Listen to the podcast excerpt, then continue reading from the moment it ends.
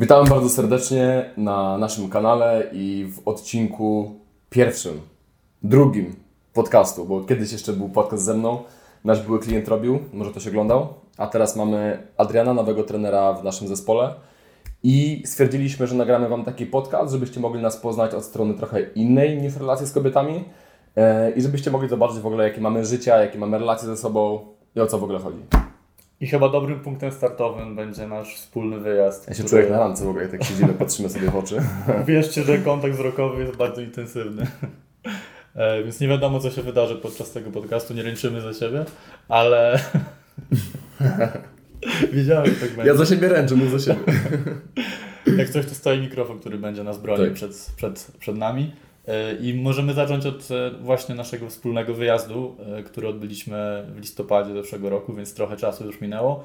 Ale nie wiem jak ty, ja go wciąż mam bardzo świeżo w pamięci i tak naprawdę, o czym wspominałem ci prywatnie, nie ma tak naprawdę tygodnia, gdzie jakieś wspomnienia z tego wyjazdu by do mnie nie wracały i to jest taki okres w moim życiu, bo najpierw byliśmy przez miesiąc z Vincentem, jeszcze z dwójką naszych przyjaciół przez, e, w czterech różnych krajach w Azji. Potem ja jeszcze spędziłem tam prawie trzy miesiące na własną rękę i to mi otworzyło oczy na to, że właśnie doszedłem do momentu w moim życiu, gdzie żyję tak, jak sobie wyobraziłem jakieś 5 albo 6 lat wcześniej. Za chwilę też może powiem o tym, jakie to były wyobrażenia i w jakim kontekście sobie tworzyłem te wyobrażenia, ale jestem też ciekaw, co dla Ciebie tak wstępnie znaczył ten wyjazd i jak go teraz wspominasz po czasie. To znaczy, to jest tak, że moje pierwsze wspomnienie, takie świeże, nie wiem dlaczego, to jest jak w Singapurze siedzieliśmy i nagrywaliśmy intro do Twojego vloga pierwszego.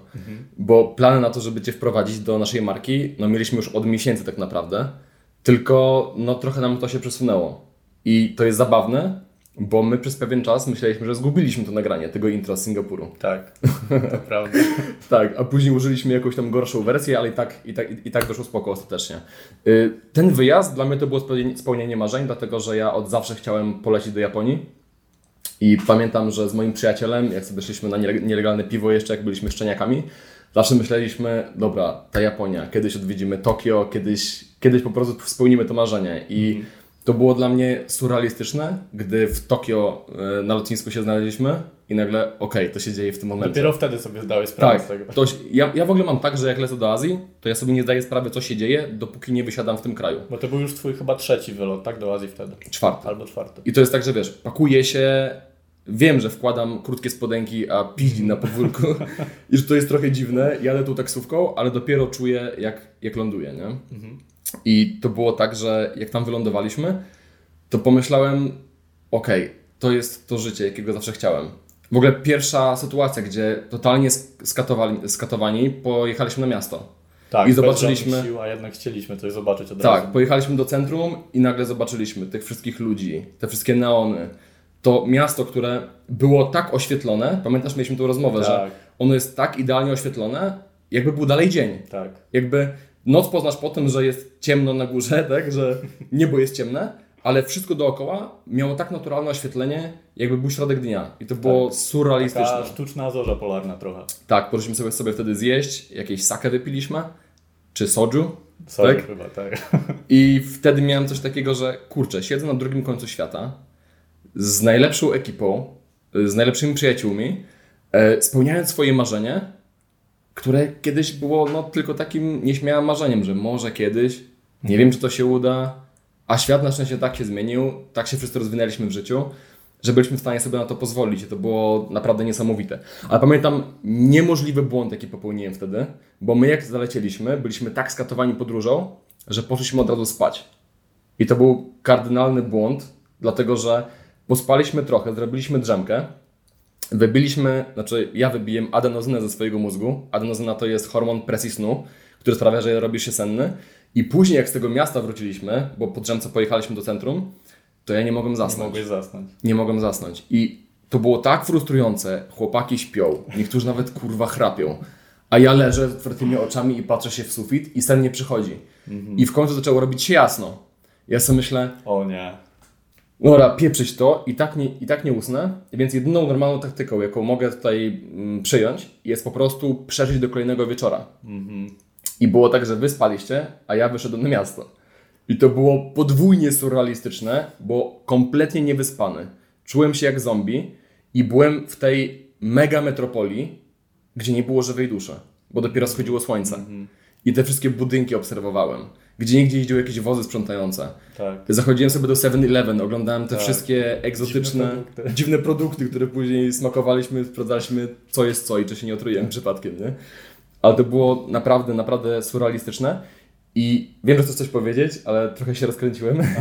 ja coś zapamiętaj, bo e, kontynuując ten wątek braku snu, wtedy stwierdziliśmy, że musimy zobaczyć Fuji, tak? To był chyba trzeci dzień. Tak, bo ja miałem bezsenność 3 dni z rzędu. Trzy dni z rzędu miałeś. Tak, tak, tak. To może teraz powiedz, co chciałeś powiedzieć i do tego jeszcze Nie, wrócimy. to jednak wrócę później, bo to trochę szerszy kontekst, a Aha. chciałem właśnie dokładnie do Fuji nawiązać, bo ja po pierwsze w ogóle jest tak, żebyście wiedzieli, że Vincent jest osobą, która jest bardzo wrażliwa w kontekście snu i często masz z tym problemy i dla Ciebie to jest taka sfera życia, na którą wciąż pracujesz i która mocno wpływa na Ciebie. Z kolei ja jestem osobą, która absolutnie w każdych warunkach, zawsze, wszędzie Nienawidzę cię. od razu zaśnie. Nigdy nie miałem z tym problemu. Więc jakby widziałem cierpienie Vincenta, a z drugiej strony nie byłem w stanie mu pomóc. Więc ja byłem bardzo wypoczęty i pełen energii, a Vincent tego trzeciego już dnia, gdzie przez dwie noce nie spał, no był totalnym wrakiem człowieka tak naprawdę i właśnie szczytem tego wszystkiego był nasz... Tylko może nie pukaj, bo to będzie mikrofon. Szczytem. Widz, widzowie będą cię nienawidzieć. szczytem tego wszystkiego był nasz wyjazd właśnie z Tokio na górę Fuji. Zrobiliśmy sobie takiego e, tripa. Ale jak do tego doszło? Przecież to było. No to nie było planowane tak naprawdę. To też. była masakra. To było tak, że ja wtedy byłem po 24 godzinach bez snu już. Mhm. Tak, bo wtedy jak chodziłem sam po mieście, cały dzień jeszcze przeżyłem. Wieczorem udało mi się pospać dwie godziny, po czym znowu miałem bezsenność, znowu sobie wyszedłem i było tak, że idziemy sobie przez Tokio. Nie, przepraszam, mieliśmy tą wycieczkę do Fuji i chcieliśmy tam jechać autokarem albo pociągiem. Tak, i sprawdzaliśmy w nocy, w jaki sposób możemy się dostać. Tak, i to było strasznie skomplikowane, nie Tak. rozumieliśmy jak tam się dostać. Generalnie infrastruktura w Japonii jest mega zadbana. I wykorzystając z Google Maps jesteś w stanie jakby trafić wszędzie. Ale jeżeli chodzi o Fuji, to niestety to było jakoś tak dziwnie Tyle rozpeczkane. przesiadek, tyle różnych... Albo ja byłem niewyspany, ale Tak. wyspaliście, więc to nie jest wymówka. Ale żadne, żadna osoba z naszej czwórki nie była w stanie rozkminić, w jaki sposób łatwo tam się dostać. Tak, no i wstaliśmy, znaczy ja nie musiałem wstawać, bo nie spałem i stwierdziliśmy, że to Fuji, no to idziemy na dworzec. Idziemy, idziemy, idziemy i mijamy nagle wypożyczalnię samochodów. I ja tak mówię do Rafała, kurde, ale to by było super, jakbyśmy mogli sobie auto wypożyczyć i sobie autem pojechać. Wyobraźcie sobie, że jedziemy autostradą w Japonii, kompletnie wolni i tak, kurde, w sumie czemu nie możemy Dlaczego nie? zrobić? Dlaczego nie? I nagle Rafał mówi, ty, bez kitu, ale nie, przecież potrzebujemy mieć międzynarodowe prawo jazdy. A nagle Adrian, ja mam międzynarodowe prawo jazdy. Bo tak się złożyło, że miesiąc przed byłem w Australii, w Nowej Zelandii i tam potrzebowałem to prawo jazdy wyrobić, więc mieliśmy szczęście, że no tam w Japonii jest wymagane to prawo jazdy międzynarodowe, ja akurat miałem to prawo jazdy i nie czułem się szczególnie komfortowo z myślą o tym, że będę przez Tokio jechał i generalnie w Japonii jeździł, szczególnie, że lewa strona, e, lewa strona jazdy, jakby trochę inna kultura jazdy i tak dalej, ale uznałem jakby, no dlaczego nie? No, właściwie nie mam nic, do stracenia, a możemy przeżyć super przygodę. Tylko problem polegał na tym, że nie byliśmy w stanie znaleźć tak naprawdę miejsca tak, do tak. wypożyczenia tego Dlatego, że wszystkie wypożyczalnie były już porezerwowane, nie było samochodów. No ale tak przewijając historię, w końcu po paru godzinach nam się udało. Wsiedliśmy do tej Toyoty Tak, tego wielkiego, dziwnego vana. i ja wtedy już byłem tam dwadzieścia kilka godzin bez snu i w, w tym momencie, jak jestem taki odklejony od rzeczywistości, czuję się jak trochę na haju przez ten brak snu, a my jeszcze wyjeżdżamy z Tokio własnym autem, Tak. gdzie ty siedzisz za kółkiem, odwracam się, kurde, sami przyjaciele, zajebiście No. ludzie i jedziemy na przygodę i niesamowite było jak wyjechaliśmy już z Tokio na tą aut- autostradę i dookoła te góry zaczęły się pojawiać, te pejzaże, Tak, tak. niesamowite i wtedy jeszcze muzy słuchaliśmy z tego chujowego głośnika, pamiętasz coś było z nim nie tak? Tak, tak, ale w końcu udało się fajną muzykę odpalić i wszystko to złożyło się właśnie w taką wizję.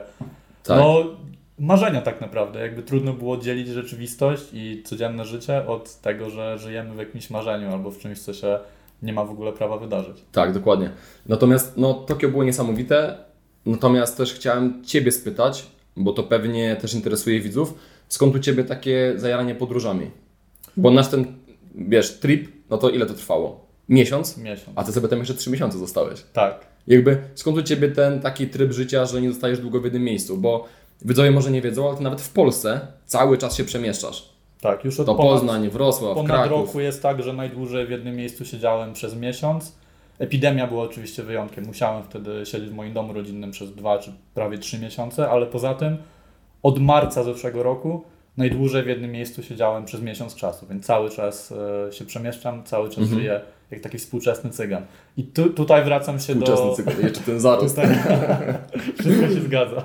Nawet miałem kiedyś, moja pierwsza dziewczyna była z Rumunii, więc to już w ogóle cała historia składa się do kupy. Natomiast tutaj wróciłbym do tego, o czym wspomniałem na początku, czyli skąd w ogóle wzięła się ta wizja na to życie i też dlaczego podróże były tak ważną częścią tego życia. E, O tym nie mówiłem chyba w swojej historii, więc warto będzie o tym wspomnieć.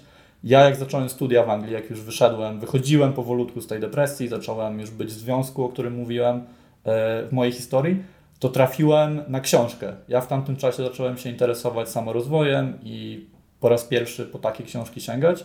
Jedną z pierwszych książek, na które trafiłem, był 4-godzinny tydzień pracy Tima Ferrisa. Myślałem, że 4 godziny cygan. To, to jest moja książka, którą napiszę za rok. E, I ta książka pokazała mi, jakby zmieniła mi myślenie o życiu generalnie. To znaczy, zamiast myśleć o tym, jaką chcę mieć pracę, na jakie chcę mieć studia, e, jak chcę sobie rozplanować e, czas, jaki mieć związek i tak dalej, pomyślałem trochę od innej strony. To znaczy, co muszę, czym muszę zajmować się w życiu, żeby mieć konkretny styl tego życia.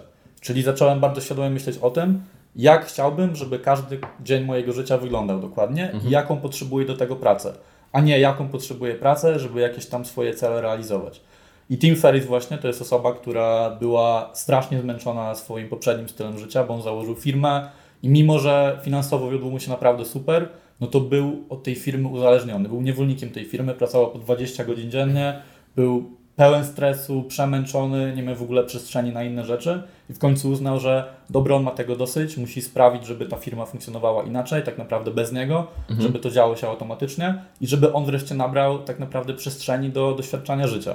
I Ja wtedy jako 20-letni student, który ledwo co wiązał koniec końcem, który dosłownie jadł sznurówki z keczupem, żeby się utrzymać, który wstawał każdego, każdego ranka w obskurnym akademiku, najtańszym jaki mogłem znaleźć, z myślą o tym, czy w ogóle przeżyję jutro, e, z myślą o tym, że mam przy sobie ok, jakąś tam dziewczynę, ale już wtedy wiedziałem, że chyba nie do końca do siebie pasujemy, gdzie wychodziłem z tej całej depresji i nie bardzo jeszcze widziałem jakieś światełko w tunelu, jeżeli chodzi o, o moje życie.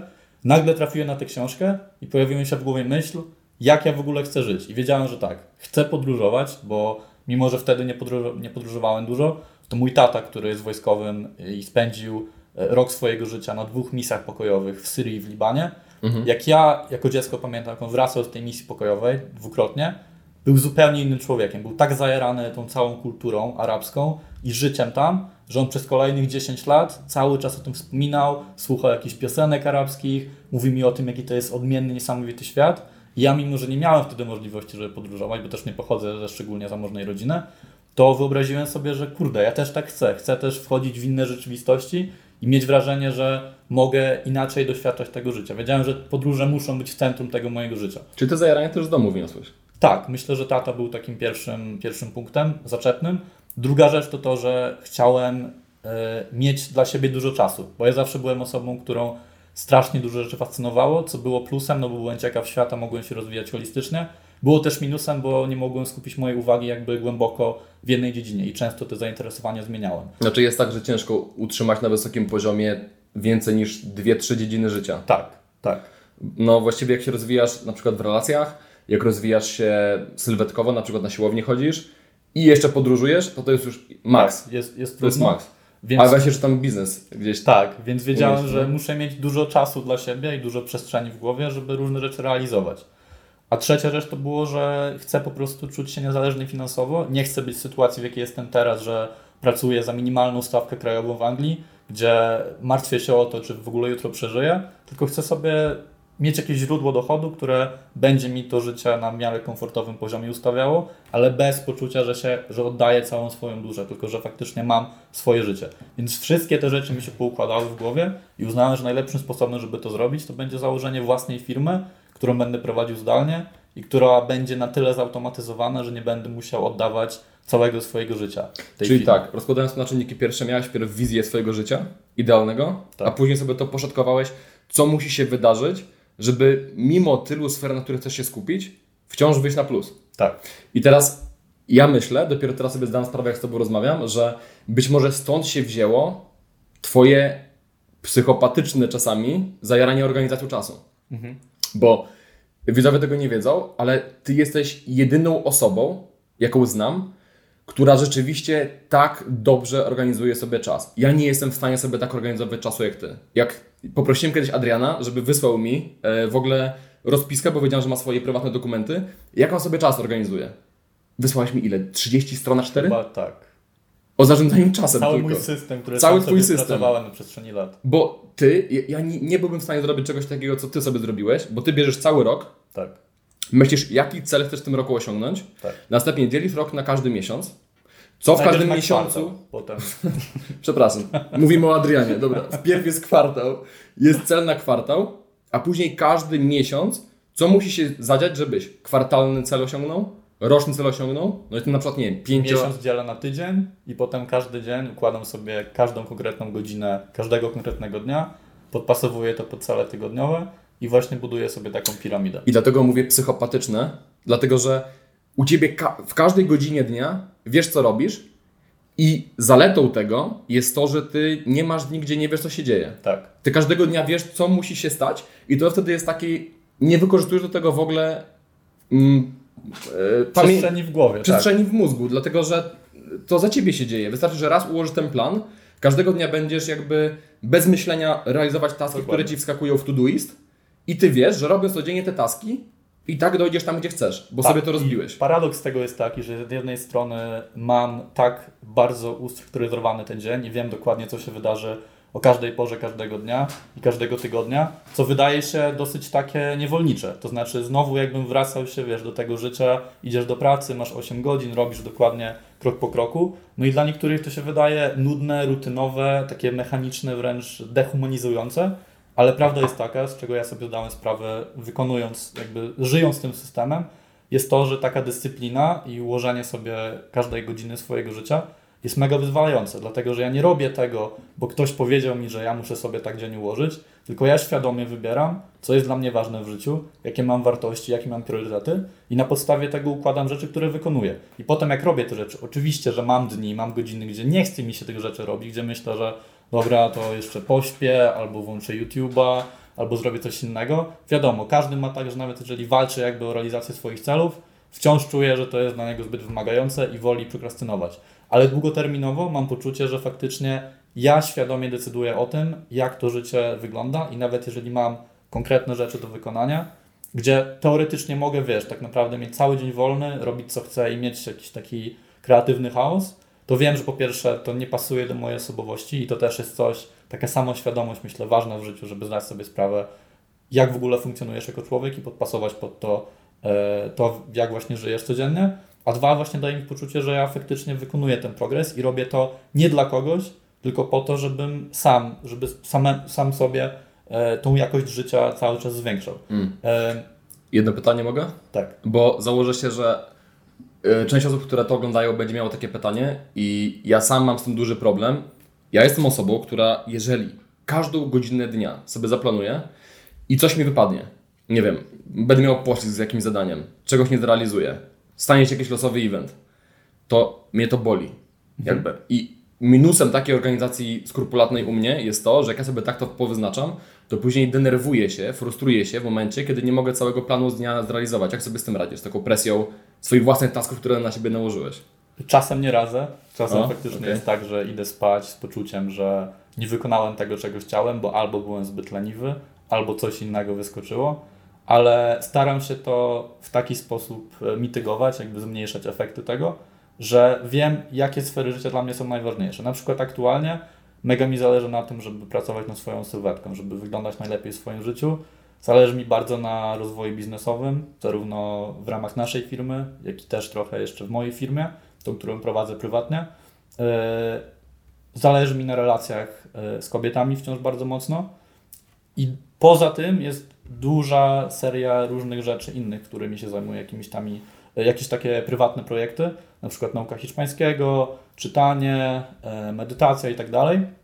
Natomiast zakładam sobie, że nieważne co się wydarzy, to mam pewne filary, które muszę wykonać. Na przykład muszę przez dwie godziny pracować w ramach mojej firmy, muszę wykonać e, ćwiczenia, e, muszę zrobić coś. I jakby jest taka lista po prostu niezaprzeczalnie ważnych rzeczy, które muszą się wydarzyć. Więc jeżeli jest sytuacja w ciągu dnia, gdzie coś niespodziewanego się dzieje i tracę czas i wiem, że nie, nie wepchnę wszystkiego, co chciałem wepchnąć, to po prostu układam jako najważniejsze rzeczy te rzeczy, które faktycznie mają dla mnie znaczenie w tym okresie życia. No i trochę lżej jest mi z tym, że tych innych rzeczy, które sobie zaplanowałem, nie zrealizowałem. Mhm, mhm. A to jest tajemnica, czy możemy powiedzieć, w jakiej firmie pracowałeś? Zanim założyłeś swoje, swoje... Nie, bo ty na boku i tak prowadziłeś własną działalność. Ja założyłem działalność, jak byłem na studiach, e, chyba na trzecim albo drugim roku. Mhm. E, potem przez wakacje e, wróciłem do Polski w ogóle na wakacje właśnie. To też był w ogóle okres, kiedy zdałem sobie sprawę, jak fajnym krajem jest Polska, bo ja wylatywałem z poczuciem, że to jest najgorsze miejsce na ziemi, że tu nigdy nie wrócę i że Anglia to jest taka ziemia obiecana. Mhm. I właśnie te wakacje po trzecim roku moich studiów pokazały mi, że jednak jest inaczej. I tam przez te wakacje dostałem staż w Google. Yy, dlatego też miałem powód, żeby do Polski wrócić, bo dostałem ten staż. Yy, a po skończeniu studiów zacząłem tą pracę już jakby na pełen etat. Mhm. E, I przez cały ten okres i studiowania, i stażu, potem jeszcze drugiego stażu, i pracy już na full time, tę firmę prowadziłem na boku. I miałem taki rozstrzał i dylemat, co zrobić. To znaczy, czy równolegle te dwie rzeczy robić i, za, i mieć tę firmę na boku, czy jednak poświęcić się już pełni tej firmie i temu stylowi życia, jaki sobie zaplanowałem. Na szczęście potem pojawiły, po, pojawiliście się wy i to był kolejny argument, żeby zarzucić jakby to korporacyjne życie, mimo że no, praca tam była Praca naprawdę marzeń. spełnieniem marzeń. Ja No. do dzisiaj mam tak, że nie wierzę, że tam byłem i autentycznie jak tam wchodziłem często i widziałem jak to wszystko funkcjonuje, to darmowe jedzenie, tych niesamowicie rozwiniętych ludzi, jak to biuro wyglądało. Jakby ja nie czułem, że pracuję autentycznie. Ja myślałem, że to jest jakiś taki plac zabaw, gdzie sobie Mhm. wchodzę i po prostu każdego dnia czuję się super. Ale jednocześnie miałem poczucie, że te 8-9 godzin e, każdego dnia poświęcam na pracę, która nie jest dla mnie fundamentalnie ważna. Ale dla mnie to było niesamowite, jak na przykład mówiłem komuś, że wiesz co, mamy nowego trenera. On mówi, tak? Kim on jest? Ja mówię, no właśnie rzucił pracę w Google, żeby pracować z nami. Jest takie, czekaj, czekaj, rzucił pracę w Google? Jakby, czy to nie jest ta firma, o którą się ludzie zabijają, żeby tam pracować?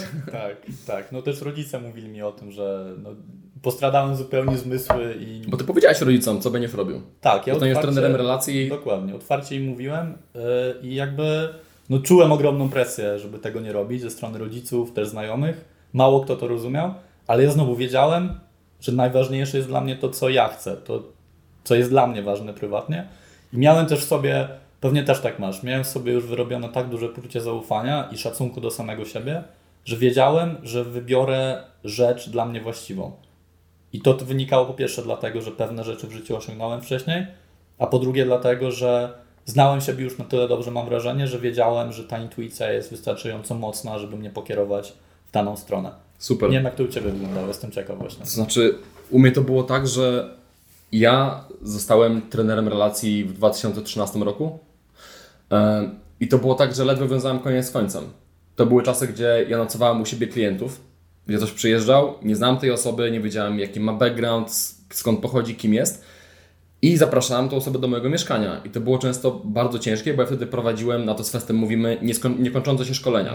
Dlatego, że nie było tam podziału, że od tej godziny do tej pracujemy. Ja czułem, że cały czas jestem w pracy. Czy nawet jak wracaliśmy na przykład z galerii, z klubu, to ja cały czas miałem, czułem, że mam taką obligację, żeby, żeby mówić, mówić, mówić, mówić, co skutkowało tym, że po trzech dniach, bo wtedy prowadziłem trzydniowe szkolenia, byłem martwy. To było tak, że pracowałem takim trybem, że miałem 3 dni szkolenia, 5 dni przerwy i 3 dni szkolenia, bo ja prowadziłem weekendowe kursy. I to było tak, że w poniedziałek, wtorek dochodziłem do siebie, środę już nadawałem się do, się, się do spotkania z jakimś człowiekiem, z jakąś dziewczyną się spotykałem, z, z kolegami wychodziłem. Czwartek już się szykowałem na szkolenie, od piątku znowu. I to było tak, że ja, żeby utrzymać się na powierzchni w ogóle, e, bo brałem śmieszne pieniądze wtedy za, za, za, za mój czas, to było tak, że musiałem non-stop pracować. Nie miałem żadnego wolnego weekendu. y, w tygodniu byłem zmęczony szkoleniem i znowu było szkolenie. Wiązało się to z tym, że ja cały raz przebywałem z osobami, które mają problemy. I to jest tak, że nie miałem komu się, wy, się wygadać, bo musiałem się utrzymać w tej Warszawie. E, I cały czas byłem z tymi problemami tych ludzi i to mnie zaczęło wypalać. To mnie koszmarnie wypalało. I wtedy pojawił się fest. Pojawił się fest, który w tym momencie też rzucił, rzucił w ogóle z, też z, wy, z powodu wypalenia e, robienie kursów e, z relacji. E, I tak się spotkaliśmy i stwierdziliśmy, że hej, może coś razem zrobimy, może będzie fajniej. I to, że zaczęliśmy razem prowadzić biznes, skutkowało tym, że mogliśmy wreszcie komuś się wygadać. Ponieważ było nas dwóch i przestaliśmy nocować u siebie klientów, dało nam to taką przestrzeń fajną, że nawet jeżeli mieliśmy ciężkiego klienta, nawet jeżeli szkolenie było bardzo ciężkie, to my mogliśmy o tym porozmawiać. I rozumieliście się, bo przez to samo Tak, tak, dokładnie. I to zrzucało presję i prowadzenie szkolenia stało się dużo łatwiejsze. Dużo łatwiejsze. Bo to też nie jest tak, że ja oceniam ludzi, że o, mają problemy i byłem przez to zmęczony. Nie, to jest moja praca, ja to kochałem. Tylko po prostu to mnie za bardzo wypalało wewnętrznie. A w momencie, kiedy mogłem z kimś się tym podzielić, poczułem znowu ulgę, miałem tą taką przestrzeń wewnętrzną wreszcie. Ale to nie zmienia faktu, że do 2018 roku ja prawie codziennie się budziłem, patrzyłem w sufit i myślałem, co ja robię ze swoim życiem. Bo widziałem tak, wszyscy moi znajomi mają ciepłe etaty, fajnie płatne, mają po prostu no, y, jakieś bonusy, jakieś socjale i tak dalej, a ja walczę o to cały czas, żeby się utrzymać na powierzchni w tej firmie, gdzie od pierwszego do pierwszego trzeba było liczyć pieniądze i tak dalej. I myślałem, kurde, a może ja źle wybrałem? E, I pojawiały mi się takie myśli. I przez 5 lat tak naprawdę wątpiłeś w siebie. Tak. I miałem takie myśli, że kurde, a może jednak to rzucić? A może jednak ten ciepły etat? Może iść do korpo? Tylko, że ja byłem zawsze tak kreatywną osobą, że nie potrafiłem wytrzymać w korpo. To było tak, że ja nie potrafiłem wytrzymać, gdzie ktoś mówi mi, co mam zrobić. Gdzie jest proces od A do Z. Nie zrozum mnie źle, ja uważam, że są zajebiste etaty. Ja Ja, po prostu nie jestem człowiekiem do etatu. I tyle. I było dla mnie jasne, że nieważne co się wydarzy, mimo wszystko ja nigdy nie przehandluję swojego, swojej wolności na jakieś tam pieniądze i stabilność. Że ja będę walczył, będę walczył, zrobię wszystko co w mojej mocy, w końcu się uda. I rok 2018 to był przełom, bo wtedy y, wypuściliśmy Zabierz do domu i wtedy odpowiedź społeczności na, na ten produkt, recenzje, jakie dostaliśmy, zainteresowanie szkoleniami, to wszystko jakby wybuchło. I wtedy ja zrozumiałem, że okej, to jest punkt przełomowy. I od tamtej Dopiero chwili, wtedy. tak, od tamtej chwili ja przestałem martwić się o przyszłość. Dlatego też, to co ty powiedziałeś, zrozumiałem, że mogę sobie ufać. Że od zera zbudowałem coś, dzięki czemu mogę być wolnym człowiekiem, mogę podróżować, nie muszę pytać szefa, czy, czy dostanę urlop. Jeżeli mam zachciankę, mogę sobie polecieć na drugi koniec świata. Ja już miałem tą wolność i ja wiedziałem, że nawet jeżeli byś mi to wszystko zabrał w tym momencie, ja i tak będę mógł to odbudować. Budować, tak. I ja uważam, że to jest coś, czego nie można kupić. To jest zaufanie do samego siebie. Tak. To jest wiara w siebie. To jest, to jest świadomość, że nieważne w jakiej sytuacji życiowej będziesz, i tak sobie poradzisz. I to jest, to jest niesamowite, bo to jest na każdej płaszczyźnie. Czy tam biz- biznesowego, czy w relacjach i tak dalej. Jakby ktoś cię zrzucił w dżungli z maczetą, ty myślisz, no dobra, kolejne wyzwanie. Bam, bierzesz tą maczetę i zaczynasz wycinać.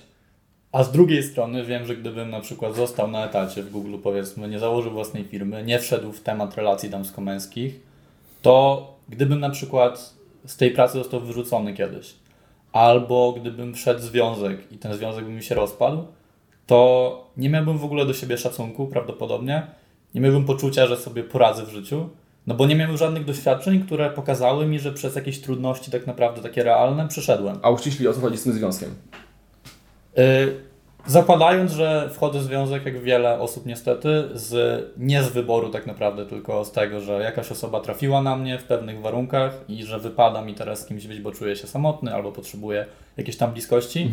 Gdybym wcześniej e, nie zrobił niczego wymagającego, czy pod kątem biznesowym, czy pod kątem relacji, czy pod kątem budowania sylwetki, bałbym się, że nie będę w stanie zbudować znowu czegoś od zera, czyli znaleźć innej osoby dla siebie. To znaczy, trochę postrzegam e, takie komfortowe życie na etacie na przykład. To, znowu nie mówię, że to jest coś złego. Dla mnie wiem, że to nie byłoby dobre, bo jakby moja osobowość pod to nie pasuje. Czy na przykład bycie w relacji z kimś przez długi czas i nie szukanie proaktywnie innej osoby. To są takie sytuacje, gdzie e, czujesz podświadomie, przynajmniej ja tak miałem jeszcze parę lat temu, że życie się dzieje w moim kierunku, a nie gdzie ja po to życie idę, wyciągam i wybieram sobie rzeczy, które w tym życiu mnie interesują. Nie? Czyli, że jesteś reaktywny na rzeczywistość, zamiast być proaktywnym i sprawić, żeby rzeczywistość reagowała na ciebie. Dokładnie. I to jest niesamowite, dlatego że to jest doświadczenie każdej osoby, która czy wchodzi w temat relacji, czy zakłada własny biznes i, i, i doświadcza czegoś takiego, że wow, po raz pierwszy w życiu czuję, że mam stery, Tak. że mam tą kierownicę. Co, Tak. się, co się stanie, jak skręcimy w lewo? Aha, są takie konsekwencje. Co jeżeli w prawo? Aha, są takie konsekwencje. Tak. Zamiast tego ludzie dryfują bez wiosła, bez kierownicy i po prostu oddają się temu, żeby życie wyrzuciło ich w jakimś kierunku. I najbardziej naiwne jest, że ci ludzie często myślą, dobra, może ten kierunek będzie fajny, trzymamy kciuki. Wiesz o co chodzi? Zamiast po prostu, dobra, otrzepać się, ogarnąć się, złapać te stery i upewnić się, że w tym konkretnym kierunku ty wylądujesz. Ale ja myślę, że ludzie mają coś takiego, że jeżeli nie wkładają dużo zaangażowania, żeby coś, coś się wydarzyło, to wtedy też nie mają wyrzutu sumienia, że to się nie stało. W sensie nie mają poczucia porażki, jeżeli im nie wyjdzie. A ludzie bardzo chcą unikać poczucia, że im nie wyszło. Tak. Więc mogą się usprawiedliwiać, że o, taki był los, tak się wydarzyło, a, w, a, w, a w, e, w z tyłu głowy gdzieś mają, ale przynajmniej nie robię nic proaktywnie w tym kierunku, więc nie mogę teraz się użalać, że, że to mi nie wypaliło. Nie? Tak, super racjonalizacja i super wymówka. Tak, Takie bo, a, ale ludzie nie wiedzą, że jeżeli proaktywnie dążysz do czegoś i nawet ci się nie uda, to i tak masz do siebie więcej szacunku. Tak.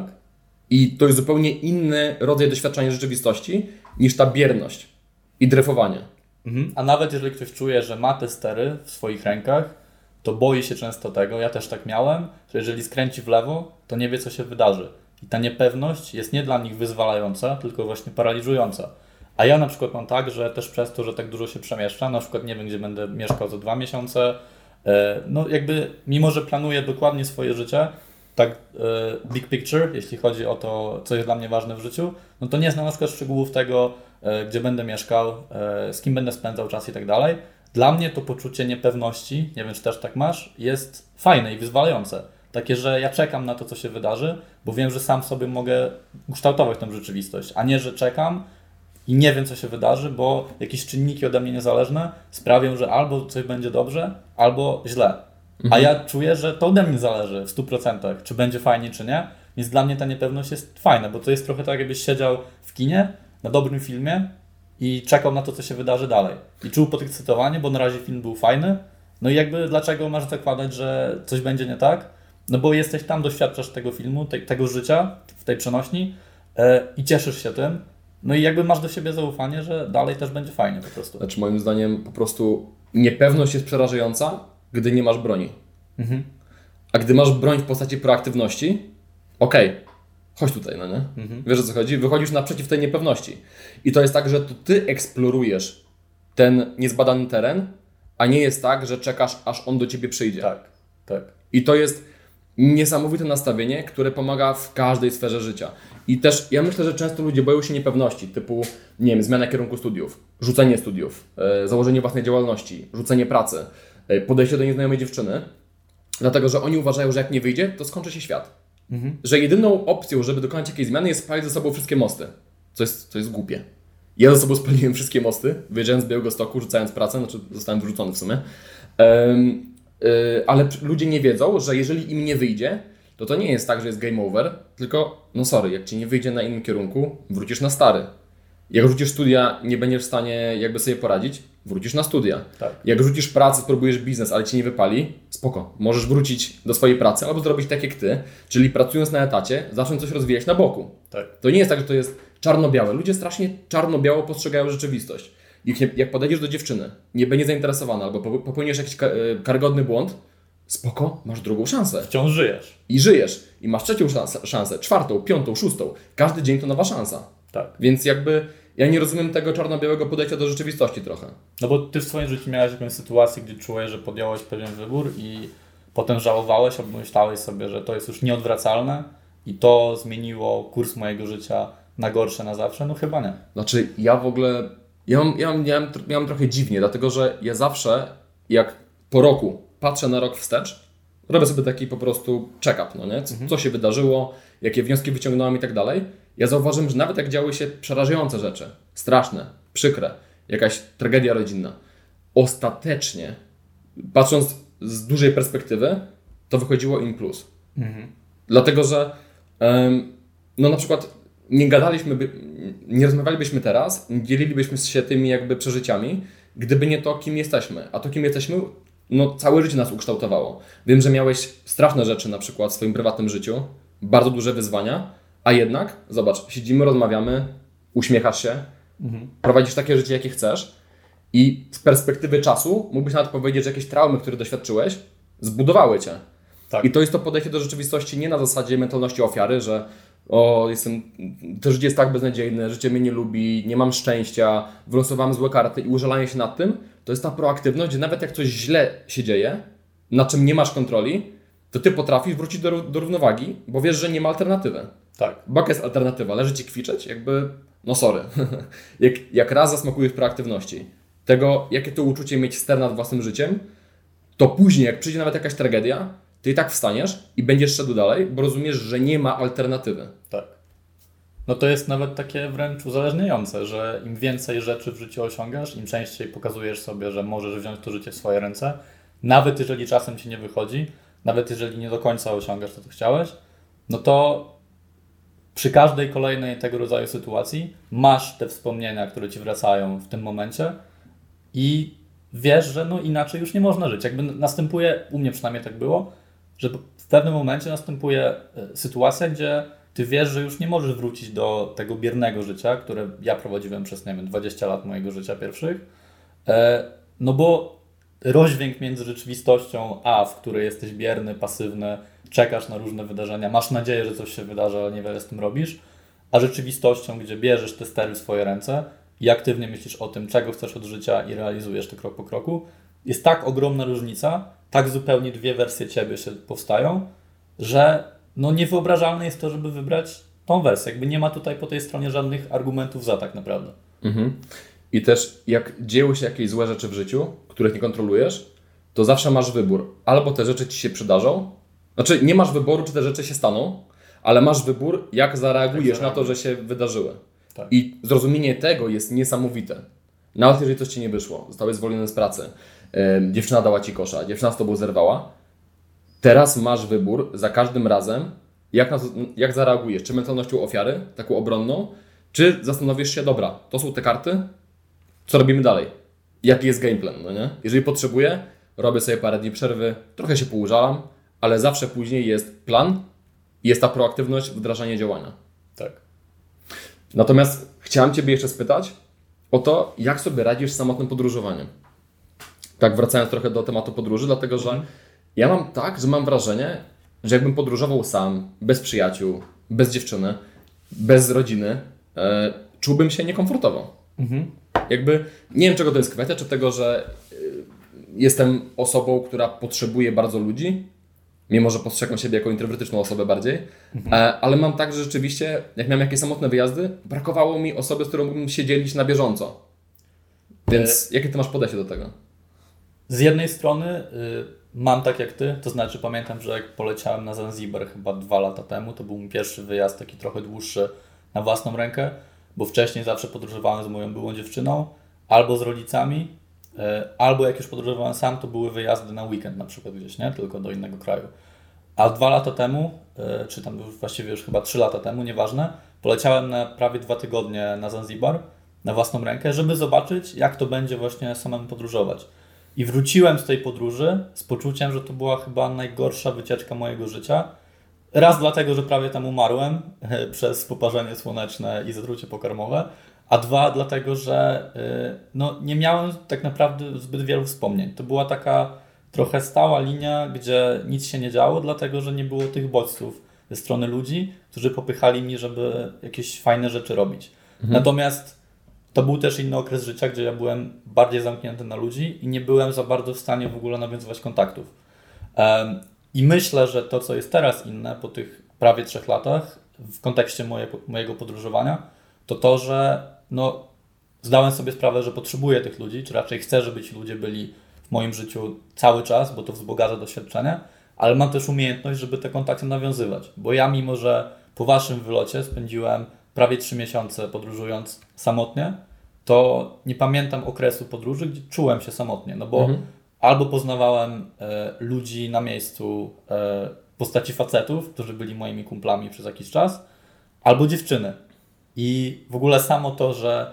e, Bo plan był taki, że ja po Singapurze, czyli naszej ostatniej destynacji, wy wtedy do Polski wracaliście na święta. Ja miałem taki plan, że polecę sobie do Tajlandii, do Bangkoku, tam pomieszkam Jeszcze mój przez... paszport wziąłeś na lotnisko. Tak, tak. Tam polecę sobie, pomieszkam dwa miesiące i stworzę sobie właśnie takie, takie otoczenie, gdzie faktycznie się mega w, wdrożę w tę kulturę tajską. Zbuduję sobie taki mały dom w Tajlandii i czasem może będę gdzieś tam się przemieszczał, może raz na dwa tygodnie, zobaczyć inny kraj. Ale głównie będę siedział w Tajlandii. Ale to, co mi pokazał ten wyjazd, i znowu to był taki przykład tego, że ja potrafię tych ludzi poznawać i fajne znajomości nawiązywać, no bo na Tajwanie na przykład, no ja poznałem masę dziewczyn i naprawdę e, też fajne zbudowałem doświadczenia. W sensie byłem tam dwa tygodnie, ale udało się na tyle fajne połączenie zbudować niektórymi dziewczynami, że wiedziałem, że ja to mogę powtórzyć w dowolnym miejscu na świecie. W kontekście i dziewczyn, i generalnie ludzi. No i skończyło się na tym, że właśnie w Tajwanie poznałem dziewczynę, która przyjechała tam na wakacje, e, która mieszka na stałe w Indonezji, w Żakarcie. I ona zaproponowała tak zupełnie spontanicznie, trochę pół żartem, trochę pół serio, żebym do niej przyleciał. I ja wtedy pomyślałem sobie znowu, że jakby to jest taka sytuacja, gdzie ja wiem, że to jak sobie życie ułożę zależy tylko ode mnie. Jakby nie mam żadnych, nic mnie nie powstrzymuje, nie mam żadnych zobowiązań, nie mam żadnych obostrzeń, tylko ja decyduję co zrobić. I miałem, i miałem opcję albo lecę zgodnie z moim planem do Bangkoku i tam sobie wywiodę w miarę spokojne życie, albo z Singapuru lecę nagle, nie wiadomo dlaczego, do Dżakarty, do której w ogóle nie myślałem, która w ogóle jest okropnym miastem, gdzie turyści w ogóle nie lecą, ale gdzie mam jakby okazję, żeby zrobić coś spontanicznego i zobaczyć, co przyniesie mi życie i co się fajnego wydarzy. Czyli ty nie skupiasz się po prostu w trakcie podróżowania na sobie, nie dokonujesz takiej trochę implozji, tylko wyrzucasz się na zewnątrz. Tak, i łap, jakby staram się łapać różne okazje, różne sytuacje, które mogą mnie doprowadzić do budowania fajnych wspomnień. No i perspektywa tego, że nagle polecę do zupełnie innego kraju, e, do dziewczyny, którą poznałem też w innym kraju, e, była zdecydowanie bardziej ciekawa niż pójście zgodnie z planem. I na tyle mi się spodobało to, jakby na tyle stworzyło to efekt kuli śniegowej, e, że uznałem, że dobra, to w takim razie, skoro jestem już teraz w Dżakarcie, spędziłem dwa super dni z dziewczyną, którą poznałem parę dni wcześniej na Tajwanie, to zobaczymy, co się wydarzy dalej. Więc zmieniłem zupełnie swoje plany. Poleciałem na Bali, tam znowu poznałem kilka super dziewczyn, w tym szczególnie jedną no, niesamowitą dziewczynę, z którą spędziłem Sylwestra w ogóle i kilka dni pod rząd. I jakby to mi znowu dało, dało kolejny dowód na to, że nawet jeżeli będę sam podróżował, nie wiem, w Afryce, w Ameryce Południowej, w Azji, to jestem już na tyle ogarnięty społecznie, na tyle też otwarty i potrafię te znajomości nawiązywać, że jeżeli poczuję potrzebę, żeby kogoś poznać, to w każdej sekundzie, w każdej chwili mogę to zrobić. Więc ja przez te trzy miesiące nie, nie pamiętam sytuacji, żebym czuł się samotny albo gdybym Super. czuł, że potrzebuję kogoś przy sobie. Natomiast na pewno zgadzam się z Tobą, że jest fajniej dzielić to doświadczenie z kimś innym. Czy właśnie jeżeli od początku do końca z kimś przebywasz, w gronie przyjaciół, z dziewczyną na przykład, nie wiem, z rodziną, czy właśnie jeżeli poznajesz po drodze kolejnych ludzi i z nimi e, dzielisz to, to doświadczenie. Ja mam tak, że mm, ostatnio spisywałem sobie, jak chciałbym, żeby moje kolejne 5 lat wyglądało. O, Bo robię w ogóle robię taki program Jordana Petersona, self-authoring. I generalnie mam świadomość tego, że pisanie autobiograficzne jest niesamowicie, mm, ma bardzo wiele plusów. Możesz poznać bardziej siebie. I też badania pokazują, że możesz sobie traumy w ten sposób leczyć, możesz bardziej siebie poznać, lepsze decyzje podejmować. I stwierdziłem, że zrobię sobie taki kurs po prostu, e, bo też ludzie myślą, że my jesteśmy samowystarczalni, ja, Fez czy ty, a prawda jest taka, że my cały czas się uczymy. dokładnie. E, Czy z dziedziny psychologii, czy z biznesu, my cały czas szukamy mentorów, cały czas szukamy kogoś, kto może, kto wie lepiej i może nam pokazać, dodać jakieś narzędzie, które nam posłuży do lepszego eksplorowania rzeczywistości. Tak. I dlatego robię ten właśnie self-authoring program. Zrobiłem past authoring. To jest w ogóle bardzo ciekawe, dlatego że jak piszesz o swojej przeszłości, to zamykasz pewne drzwi. I Jordan Peterson mówi, że jeżeli jakieś wspomnienia do ciebie cały czas wracają, to oznacza, że musisz się tymi wspomnieniami zająć, bo one domagają się uwagi, one domagają się jakiegoś domknięcia. I w ogóle on powiedział, że funkcją pamięci ogólnie jest to, żeby pokazać ci, gdzie popełniłeś jakiś błąd, albo gdzie zdarzyło się coś, co już nie powinno się zdarzyć i powinieneś zadbać o to, żeby tak się stało. Powinieneś jakieś lekcje z tego wyciągnąć. W momencie, to jest w ogóle ciekawe, dlatego że to się bardzo pokrywa z moim doświadczeniem z pisaniem książki. Ja napisałem książkę o mojej przeszłości, gdzie opisywałem moje początki, e, jak wychodziłem z takiej trochę młodzieńczej depresji. W cudzysłowie mówię, bo to nie była zdiagnozowana depresja. I byłem bardzo zagubiony przez czasy gimnazjum, liceum, bardzo bolesne czasy, gdzie nie potrafiłem się odnaleźć z moimi rówieśnikami. I w momencie, kiedy ja napisałem tą książkę, to było tak, jakbym nagle zamknął przeszłość. Od tamtej pory ani razu jej nie przeczytałem. To jest dlatego, że miałem dość, bo jako osoba, która ją napisała, czytałem ją setki razy po prostu. Ale te wspomnienia przestały wracać. Wreszcie. Wspomnienia z gimnazjum, ze starego ja. Czyli ja mam namacalny dowód, że to jest prawda. To nie jest tak, że w badaniu naukowym przeczytałem, że pisanie o sobie pomaga. Ja mam dowód. Dlatego też wziąłem ten kurs i opisałem sobie całą przeszłość za pomocą tego kursu. E, A teraz właśnie opisuję przyszłość, gdzie chciałbym być. Bo na przykład, gdy Jordan Peterson e, testował ten produkt na swoich uczniach na uczelni, okazało się, że bardzo dużo odsetek, chyba około 40%, po przerobieniu tego kursu zostawało na studiach. Kończyło, miało lepsze oceny. Więc jakby to pomaga jakby wydeptać tą ścieżkę do przodu i później nią podążyć. Dlatego sobie zrobiłem coś takiego. I sobie zrobiłem wizję, jak chciałbym, żeby moje kolejne lata wyglądały. I to jest ciekawe, bo wiesz, oprócz oczywiście świetnych relacji z kobietami, oprócz świetnych relacji z rodziną i tak dalej, oprócz pieniędzy i, i zdrowia oczywiście, tam było zawsze miejsce i to było takie, za- zauważyłem, centralne miejsce na podróże z osobami, które kocham, na których mi zależy, czy to rodzina, czy bliscy przyjaciele, czy jakaś dziewczyna. I to było jakby w centrum.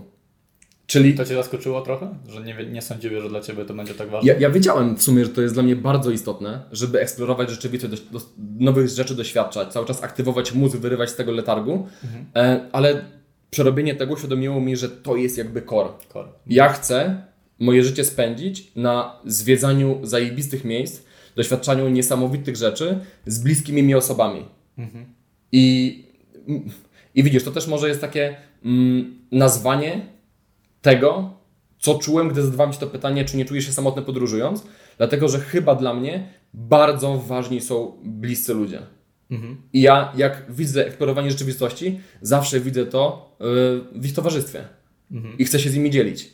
Chcę robić, żeby było fajnie. I wiesz o co chodzi? Ja w ogóle mamy tak zajebistą ekipę, z którą też się widzimy niedługo, co jest bardzo eks- ekscytujące. Mamy ekipę, która składa się z ludzi, którzy mieszkają w każdym zakątku, nie tylko Polski, ale też świata.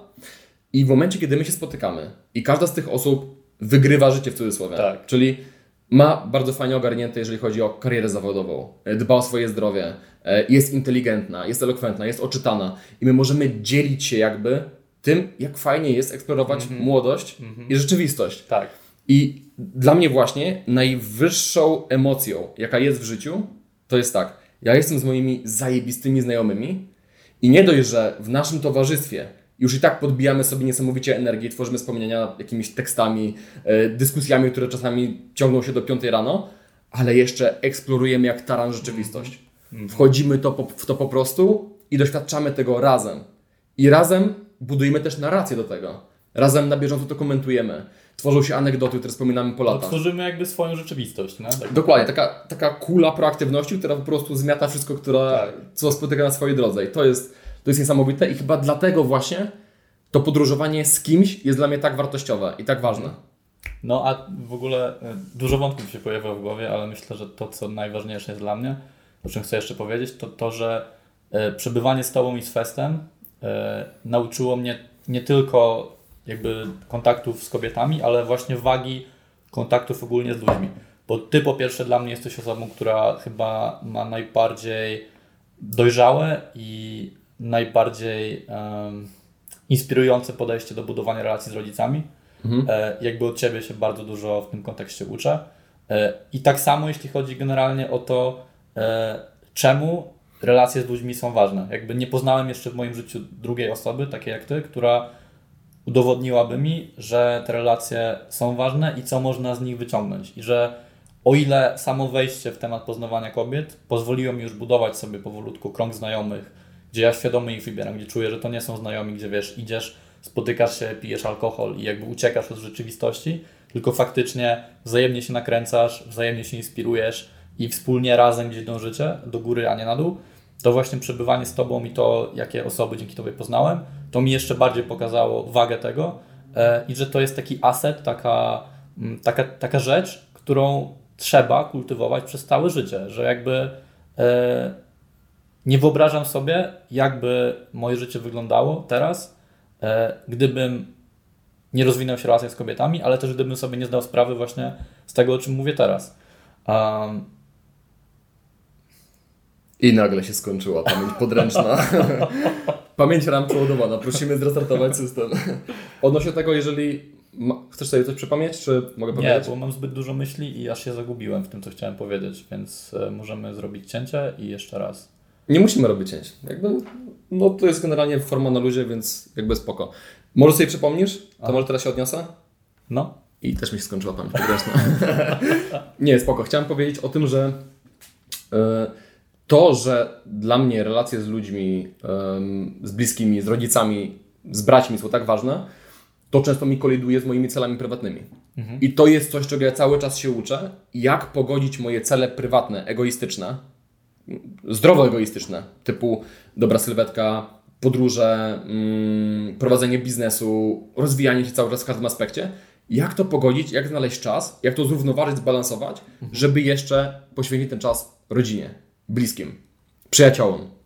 Yy, No bo widzisz, ja jestem taką osobą, gdzie jeżeli mam jakieś prywatne plany, ale nagle się okazuje, że w tym terminie będzie wydarzenie, gdzie na przykład wszyscy się zjedziemy y, z tą naszą ekipą, ewentualnie gdzie rodzice będą chcieli coś zaplanować, to dla mnie nadrzędne będzie, żeby wybrać rodziców albo wybrać tą ekipę i ja będę mógł swoje plany elastycznie nagiąć, co też nie jest dobre do końca moim zdaniem.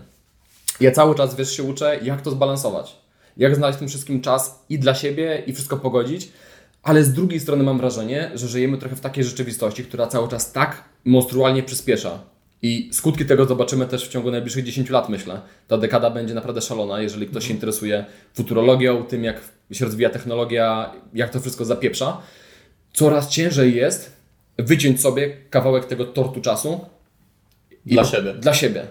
I moim zdaniem y, trzeba właśnie mieć podejście może nie tak psychopatyczne jak ty do organizacji czasu, ale trzeba ten czas coraz mocniej organizować, bo w przeciwnym wypadku chaos rzeczywistości po prostu cię zmiecie z Tak. planszy.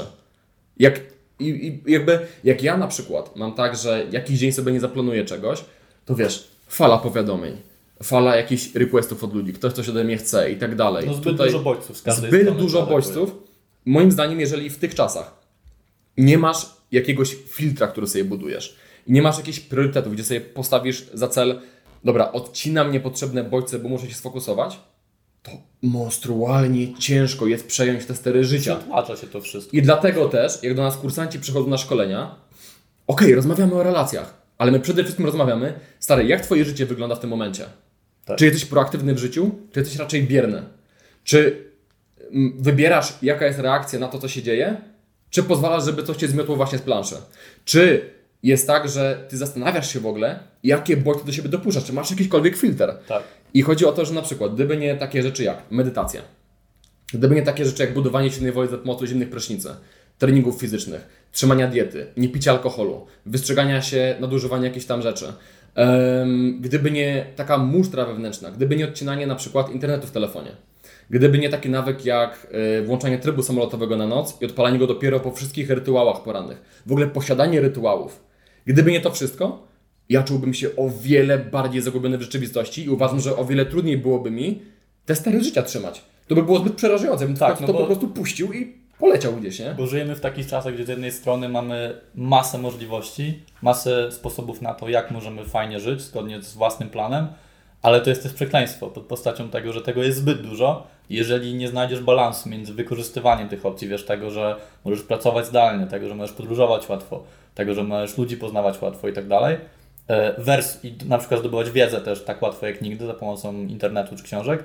versus tego, że wiesz, dostajesz miliard powiadomień, masz Netflixa, YouTube'a, e, jakieś tam eventy cały czas dziejące się w, też w prawdziwym świecie, no to możesz albo właśnie być przytłoczony i zmieciony przez tą falę możliwości, albo wykorzystać to i sprawić, żeby te rzeczy działały na swoją korzyść.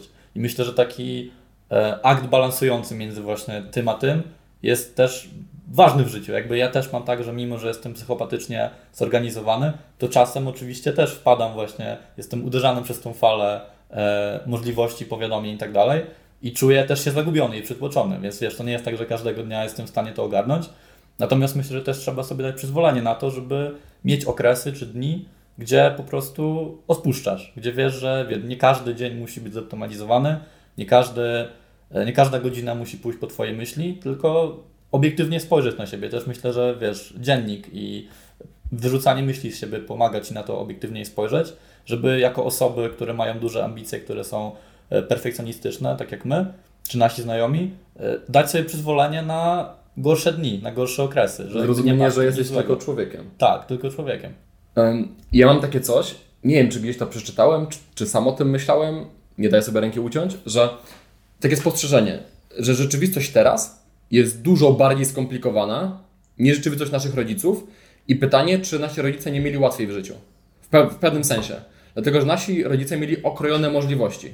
Nie mogli wyjechać z kraju za bardzo. Było tak, że jak mieszkałeś w jakiejś wiosce albo w jakimś mieście, poznałeś może jakąś dziewczynę, jak miałeś 24 lata, byłeś już starym kawalerem, Tak. była bardzo duża presja społeczna, nie wiedziałeś, że możesz z tej presji się wyrwać, więc wchodziłeś w relację z jakąś kobietą i później była jas, jasna ścieżka, czyli dom, dzieci, pies.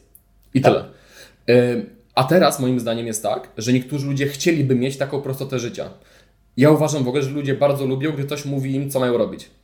I ludzie myślą, że są tej wolności, ale jak pokazuje doświadczenie też klienci na naszych szkoleniach, ludzie są tym właśnie przytłoczeni, Przytłoczeni, i stłamszeni. tak. Bo, bo możesz pojechać gdzie chcesz, albo możesz nie wyjeżdżać. Możesz mieszkać w dowolnym mieście, albo możesz mieszkać w tym mieście, w którym jesteś. Tak. Możesz tą Olą ze szkoły, w której się podkochiwałeś, możesz z nią wejść w związek małżeński i do końca życia jakby spróbować to utrzymać, a możesz poznawać dużo kobiet i sprawdzić w ogóle, jaką jesteś osobą, jakie lubisz cechy w ludziach i dobrać tą idealną kobietę dla Ciebie. Tak. Z kolejnej strony ścieżki zawodowe. Masz miliard możliwych karier. Masz miliard darmowych kursów i też płatnych, z których możesz się uczyć, gdzie można być kompetencje. I teraz naprawdę uważam, że wymaga dużej siły woli, żeby się w tym po prostu nie pogubić. Nie zostać właśnie przytłoczonym przez to. Tylko wykorzystać to jako narzędzie i pogodzić się z kosztami alternatywnymi. No właśnie, bo każda rzecz, którą wykonasz, wiąże się z tym, że nie wykonasz Tak, tak, innych rzeczy. to zamyka ci jakieś inne drzwi po prostu. Tak. I to jest ciekawe bardzo, dlatego że nauka tego, jak emocjonalnie sobie radzić z kosztami alternatywnymi, to, to powinna być dziedzina nauki w ogóle moim zdaniem, bo to jest bardzo ciężkie na psychikę.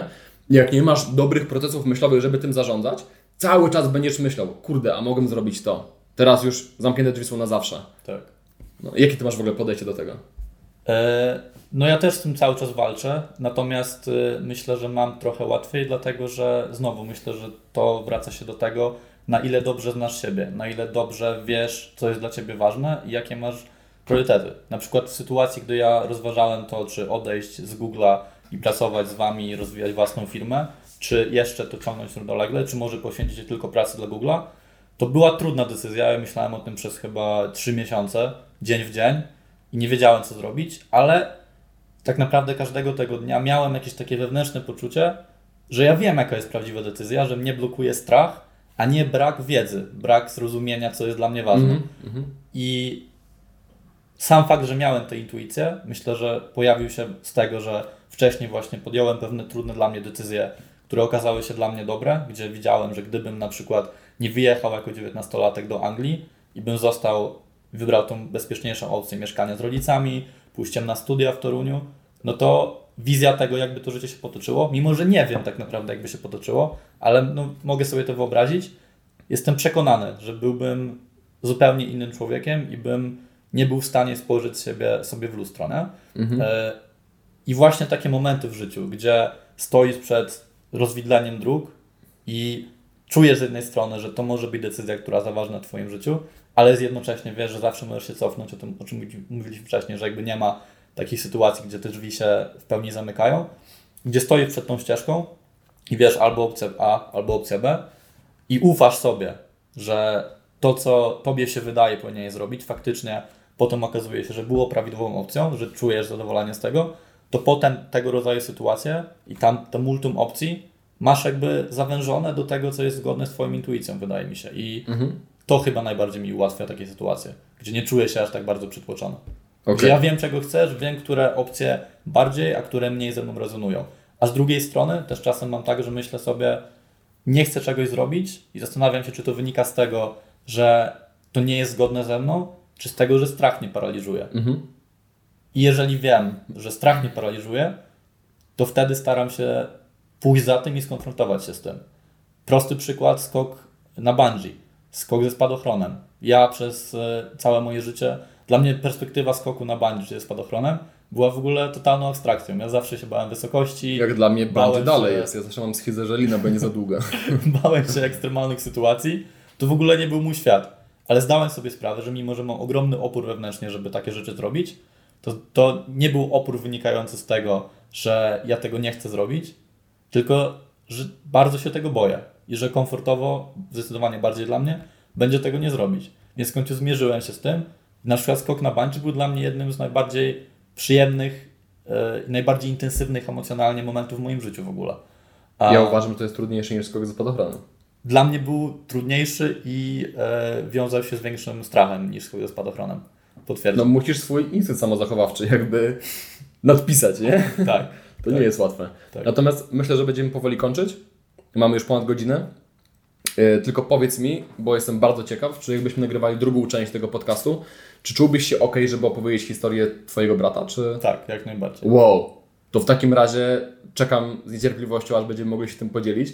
Pamiętam, jak w Azji opowiadałeś o tym, opowiadałeś chyba półtorej godziny i wszyscy z chłopakami siedzieliśmy z otwartymi buziami i słuchaliśmy Ciebie jak zaczarowani. To jest niesamowita historia, to jest chyba najbardziej niesamowita historia, jaką słyszałem w życiu. Wow. I najbardziej oryginalna. Ja wciąż w nią Ja mam teraz ciarki na plecach, jak sobie o tym myślę. Tak, i to w ogóle e, nie mówiłem o tym w mojej historii, ale to właśnie był taki moment, który wszystko w moim życiu zmienił, który mnie wyrwał z tej depresji i pokazał mi, że pora przestać się na sobą użalać.